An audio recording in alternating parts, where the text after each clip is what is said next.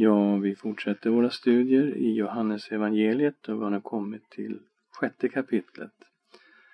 Fantastiskt kapitel där ett under, Jesu brödunder, sen går över till att tala om sig själv som livets bröd.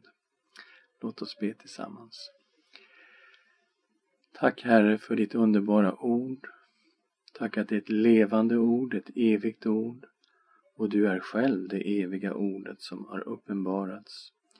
Vi ber att du ska tala till oss. I Jesu namn. Amen. Så genom hela Johannes evangeliet så handlar det om att på olika sätt visa Jesu gudom. Och eh, undrena i Johannes evangeliet kallas ju för tecken. Eh, därför att de visar någonting av vem Kristus verkligen är. Och eh, jag tror att det är signifikativt att det är sju stycken sådana här handplockade tecken som finns i Johannesevangeliet.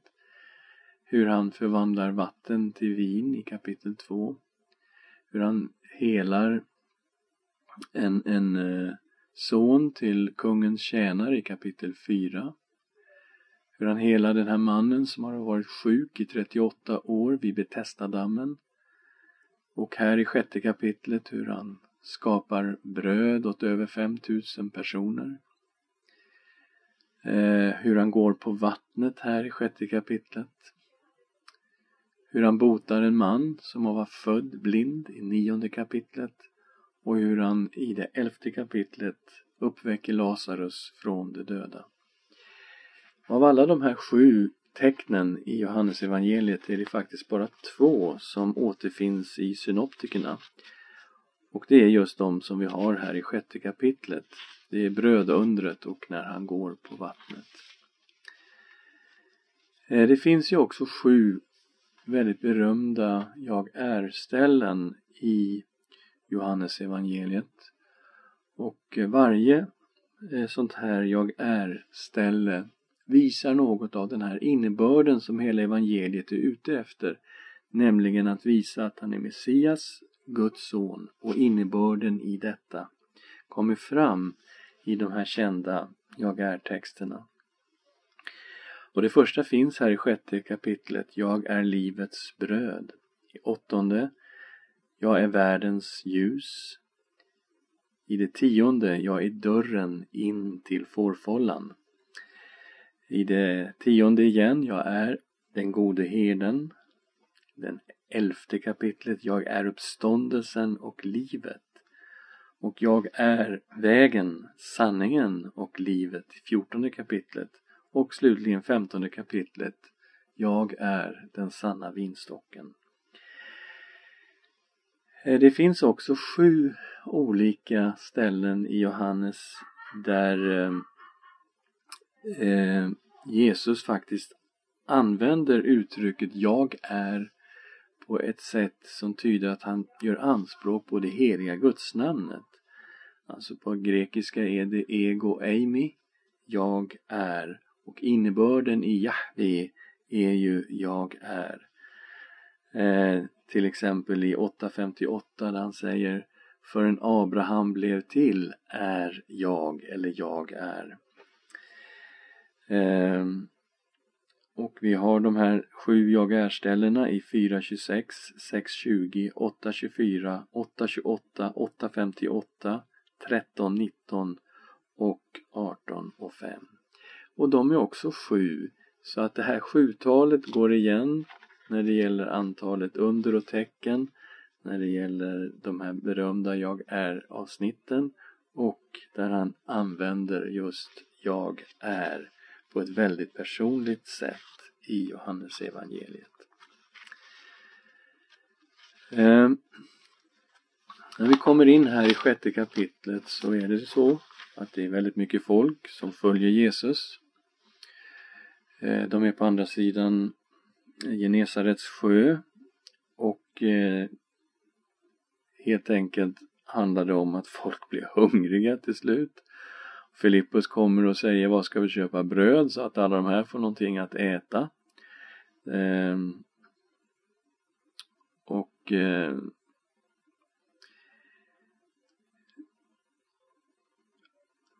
och Filippus, eh, eller eh, det, det, är Jesus som säger till Filippus, ja, var ska vi köpa bröd så att dessa får något att äta i vers 5? Och det här sa han för att pröva honom, till han visste vad han skulle göra. Filippus svarade, bröd för 200 dinarer räcker inte för att alla ska få ett stycke var. Och en annan av hans lärjungar, Andreas, Simon Petrus bror, sa till honom Här är en pojke som har fem kornbröd och två fiskar, men varför slår det för så många? Och då säger Jesus, låt folket lägra sig här, slå sig ner här. Här finns gräs och de kan sitta här på backen. Och det rör sig om ungefär 5000 män. Och då tar Jesus bröden, tackar Gud och delar ut. Och han bryter och han bryter och han bryter och det tar aldrig slut i Jesu händer. Det bara bryts och bryts och det blir bara mer och mer bröd i Jesu händer.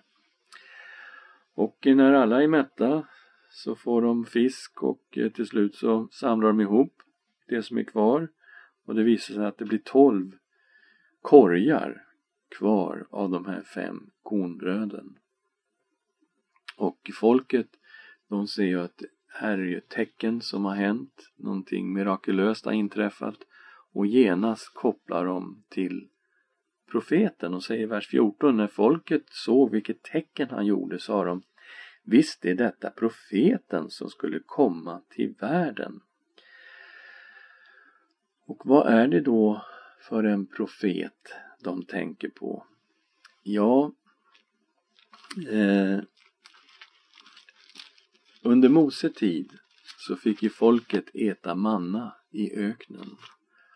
Och Mose talade ju om att det skulle komma en profet som var lik honom. Eh, eller Gud sa till Mose att det skulle komma en profet som var lik honom en dag. I femte Mosebok kapitel 18, vers 18. En profet ska jag låta uppstå åt dem bland deras bröder, en som är lik dig, och jag ska lägga mina ord i hans mun, och han ska tala till dem allt vad jag befaller honom. Och eh, så, så det finns alltså en profet som ska komma likt Mose. Och här har det skett ett brödunder som på många sätt liknade brödundrena i öknen där det regnade manna från himlen. Och folket fattar, det här måste vara profeten. Och man kan ju undra, har det faktiskt inte uppstått någon profet lik Mose? Ja, åtminstone inte när femte Mosebok var skriven. I femte Mosebok 34.5 finns det som en efterskrift, det allra sista här. I Israel uppstod inte mer någon profet lik Mose, någon som Herren kände ansikte mot ansikte. Ingen som man tänker på eh, Ingen om man tänker på alla de tecken och under som Herren hade sänt honom att göra i Egyptens land med farao och alla hans tjänare och hela hans land. Om man tänker på all den väldiga kraft som Mose visade och på alla de stora fruktansvärda gärningar som han gjorde inför ögonen på hela Israel. Någon sån profet hade alltså inte kommit. Eh, och eh, det här är sannolikt en efterskrift, just den här delen, som en sammanfattning i femte Mosebok. Och man kan konstatera, att det har inte kommit någon sån profet. Men när Kristus gör det här brödundret, då uppfattar de som var med där att det här måste vara profeten som skulle komma i världen. Och Jesus förstod att de tänkte komma och med våld göra honom till kung. Ja, eh, det här är ju en politiskt laddad situation. Israel var ju ockuperat av romarna på den här tiden. Och om Jesus var Messias, eh, då ville man göra honom till kung. Tänkte man, här har vi en liten armé på 5000 man han har just gett oss bröd och mat att äta och han har hur mycket kraft som helst. Låt oss tåga mot Jerusalem och kasta romarna i havet ungefär och upprätta Guds rike i Jerusalem. Men Jesus var inte intresserad av att bli kung på jorden. Det står istället, han drog sig undan upp till berget helt ensam. Och eh, lärjungarna eh, på kvällen steg de i en båt och eh, skulle fara över till andra sidan sjön och det hade redan blivit mörkt och Jesus hade inte kommit till dem men de kämpade där i båten för det blåste hårt, står i artonde versen och sjön började gå hög. Och de hade inte kommit så vansinnigt långt ut, några hundra meter. Då fick de se Jesus komma gående på sjön och närma sig båten. Och de blev förskräckta. De, de visste inte vad de skulle tro. Men han sa till dem, vers 20. Det är jag, var inte förskräckt förskräckta. Och här kommer ett av de här jag är avsnitten. Han kommer alltså och går på vattnet och så säger han Jag är, var inte förskräckta. Och man kan ju undra, vem är du som går på vattnet? Och då vill de ta upp honom i båten men helt plötsligt så var de framme på andra sidan så på något sätt händer något i mötet med Jesus när han går på vattnet och båten kommer över väldigt snabbt på andra sidan. Och eh, nästa dag så börjar folket leta efter Jesus. De har sett att lärjungarna åkte över. De hade bara en båt och de vet inte var Jesus har tagit vägen så att de till slut så tar de sig över där på andra sidan och kommer till Kapernaum och i 25 versen har Jesus alla chanser i världen att på något sätt skryta med sitt under att han har gått på vattnet. 25 versen. De fann honom på andra sidan sjön och frågade honom Rabbi, när kom du hit?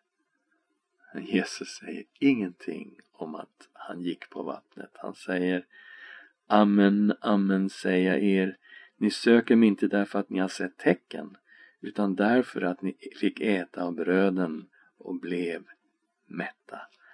Arbeta inte för att få den mat som tar slut, utan för den mat som varar och ger evigt liv och som Människosonen ska ge er. På honom har Gud och hans fader satt sitt sigill. Okej, okay. de frågar i vers 28 vad ska vi göra för att utföra Guds gärningar? De vill liksom få Jesus att haka på det här tåget igen. De har uppfattat att han var profeten, att de hade gett dem bröd att äta och han är mycket, mycket intressant för dem. Och vad då gärningar? Vers 29. Jesus svarade Detta är Guds gärning, att ni tror på den han har sänt. Okej, okay, om ni gör det, då utför ni den gärningen som ni behöver för att få den här maten som Människosonen ska ge er evigt liv. Ja. Men eh, de, de är inte nöjda, de vill ha det här brödet. Eh, då säger de till honom, vers 30, vad gör du för tecken? Så att vi kan se det och tro på dig. Vad kan du göra? Våra fäder fick äta manna i öknen, som det står skrivet, han gav dem bröd från himlen att äta. Jesus, du kommer väl ihåg brödundret? Nu ska du väl fortsätta och ge oss bröd. Vi vill ju vara med dig. Då sa Jesus till dem, Amen, amen säger jag er, det är inte Mose som har gett er brödet från himlen, utan det är min fader som ger det sanna brödet från himlen. Guds bröd är det bröd som kommer ner från himlen och ger världen liv. Äntligen, tänker de, nu har Jesus fattat. Då sa de till honom, Herre ge oss alltid det brödet. Det är det brödet vi vill ha. Och så säger Jesus, och då blir det ridå för de här människorna. Jesus svarade, Jag är livets bröd. Den som kommer till mig ska aldrig hungra och den som tror på mig ska aldrig någonsin törsta.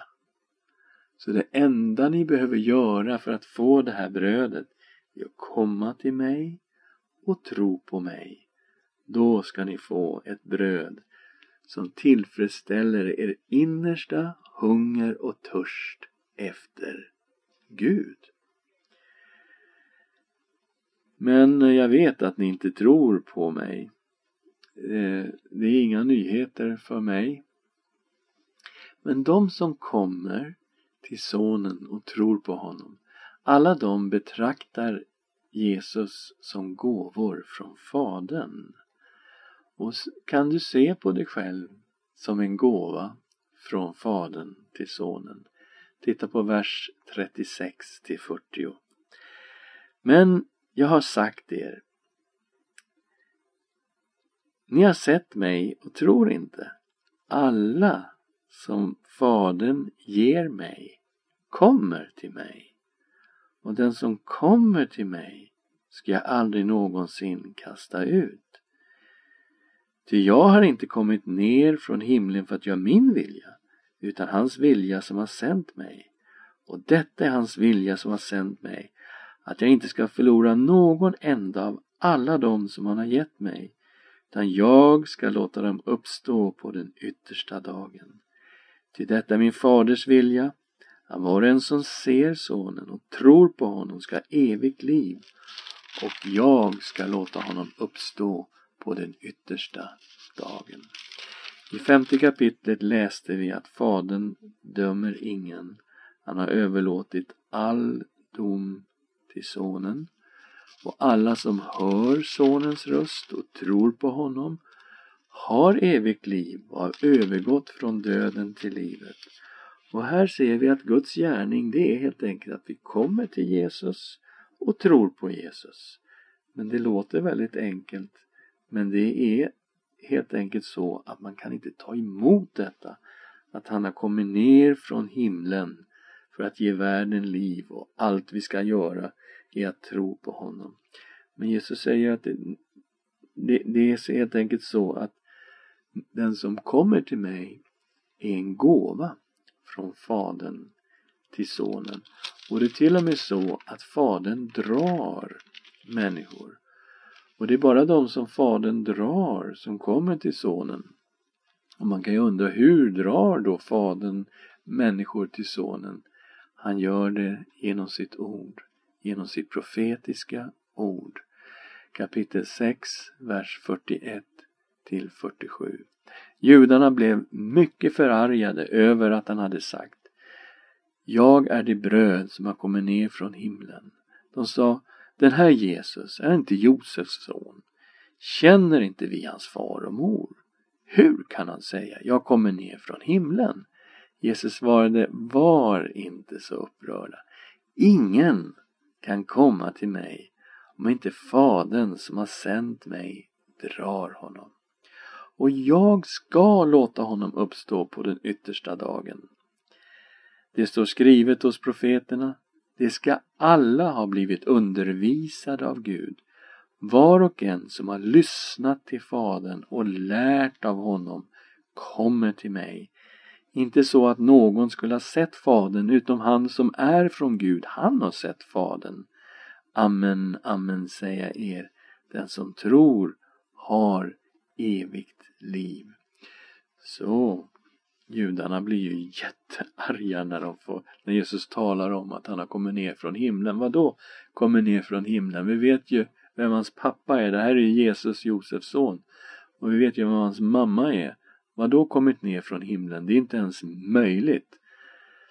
Men Jesus säger, var, var, inte så upprörda. Det är så här att ingen kan komma till mig om inte Fadern drar. Men hur drar Fadern då? Jo, det är så att han har talat. Han har talat, det står skrivet hos profeterna, det ska alla ha blivit undervisade av Gud. Så var och en som har lyssnat till Fadern och lärt av honom kommer till mig. Den som tittar i det profetiska ordet ska se att profetierna talar om mig, säger Jesus. Och på så sätt drar Fadern människor till Kristus.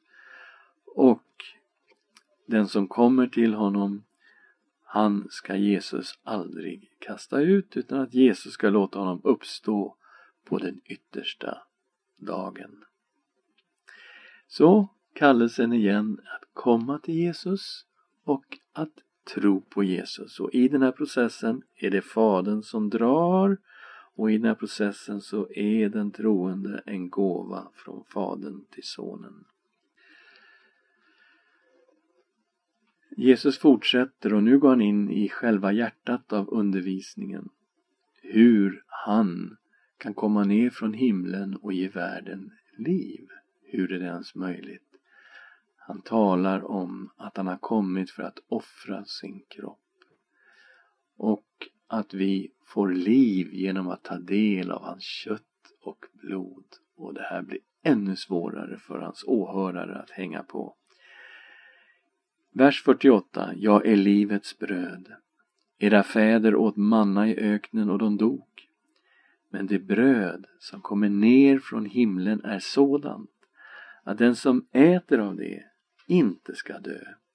Jag är det bröd som ger liv, det bröd som har kommit ner från himlen. Den som äter av det brödet ska leva i evighet och brödet jag ger är mitt kött för att världen ska leva. Och judarna börjar tvista med varandra och säga hur kan han ge oss sitt kött att äta? Och det är ju så att judarna tänker bokstavligt, men det här är inte möjligt. Vadå ge oss sitt kött att äta? Är det någon sorts kannibalism det handlar om? Men det är inte på det sättet. Det handlar om att Jesus kommer för att offra sin kropp, för att offra sig själv. Och när vi tar del av hans offer, då äter vi hans kött och dricker hans blod. Jesus svarade, amen, amen säger jag er, om ni inte äter Människosonens kött och dricker hans blod har ni inte liv i er. Den som äter mitt kött och dricker mitt blod har evigt liv och jag ska låta honom uppstå på den yttersta dagen. Till mitt kött är verklig mat och mitt blod är verklig dryck. Den som äter mitt kött och dricker mitt blod förblir i mig och jag i honom. Liksom den levande Fadern har sänt mig och jag, och jag lever därför att Fadern lever så ska också den som äter mig leva därför att jag lever. Detta är det bröd som har kommit ner från himlen. Det är inte som det bröd som fäderna åt och sedan dog. Den som äter av detta bröd ska leva i evighet. Detta sa han när han undervisade i synagogan i Kapernaum. Så hur ska vi uppfatta detta? Att vi måste äta hans kött och dricka hans blod. Ja, det finns en tolkningsnyckel i vers 63. Det är anden som ger liv. Köttet är inte till någon nytta. Det ord som jag talar till er är ande och liv. Det handlar alltså inte som judarna uppfattar att vi bokstavligt ska äta hans kött och bokstavligt dricka hans blod. Men det handlar om att vi kommer till honom, tar emot nåd, förlåtelse, frälsning genom Jesu Kristi offer.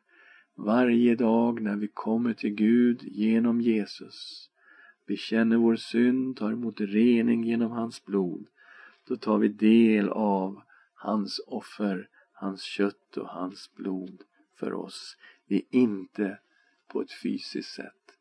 Det är på ett andligt sätt. Köttet är inte till någon nytta. Det ord som jag talar till er är ande och liv. Det är anden som ger liv, säger Jesus i vers 63. Där har vi en tolkningsnyckel till hur vi ska förstå det här. Och det här tyckte folk var jättejobbigt. Det står att många av hans lärjungar som hörde det, de sa det här är ett hårt tal, vers 60. Vem står ut med att höra det? Och eh, Jesus förstod att eh, det här var jobbigt för dem. Och han säger, tycker ni det är jobbigt då att tänka er att jag har kommit ner från himlen? Vad kommer ni då säga? Och ni får se när jag återvänder till härligheten. Tar ni anstöt av det här, vad ska ni då säga när ni får se Människosonen stiga upp där han redan var? Och det visar sig då att det är många som lämnar honom. Hela det här gänget som då hade varit med om brödundret och som sökte honom på andra sidan Jordan och träffade honom där i Kapernaum. De eh, som, som ville äta av brödet och tänkte åh han är profeten, vi vill hänga på här. Hela det gänget bara drog därifrån. De klarade inte av den här undervisningen.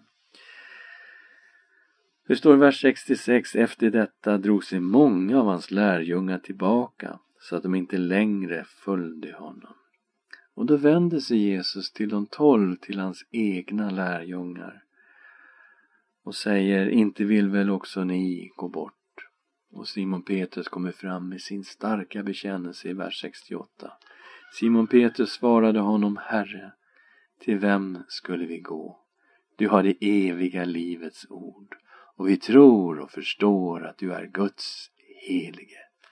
Han hade tagit emot Jesu undervisning om vem han var, att han var Guds bröd som hade kommit ner från himlen och han hade gladeligt eh, satt tro till Jesus Kristus.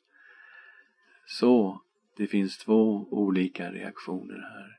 De som vänder Jesus ryggen på grund av hans anspråk och lärjungarna som står fasta likt Simon Petrus och säger Herre till vem ska vi gå? Du har det eviga livets ord och vi tror och vi förstår att du är Guds helige. Så varje gång vi kommer till Gud genom Jesu offer för våra synder tar vi del av hans kropp och blod på ett andligt sätt. Och det är den här förståelsen som vi ska ha när vi läser Johannes 6. Låt oss be tillsammans. Tack Herre för att du är det levande brödet som har kommit ner från himlen. Du är livets bröd. Tack Herre att du tillfredsställer vår innersta hunger och törst efter liv, efter mening, efter Gud. Vi tackar dig, levande frälsare. Tack för ditt blod som renar från all synd. Tack för ditt fullkomliga offer. Tack för det eviga livet. I Jesu namn. Amen.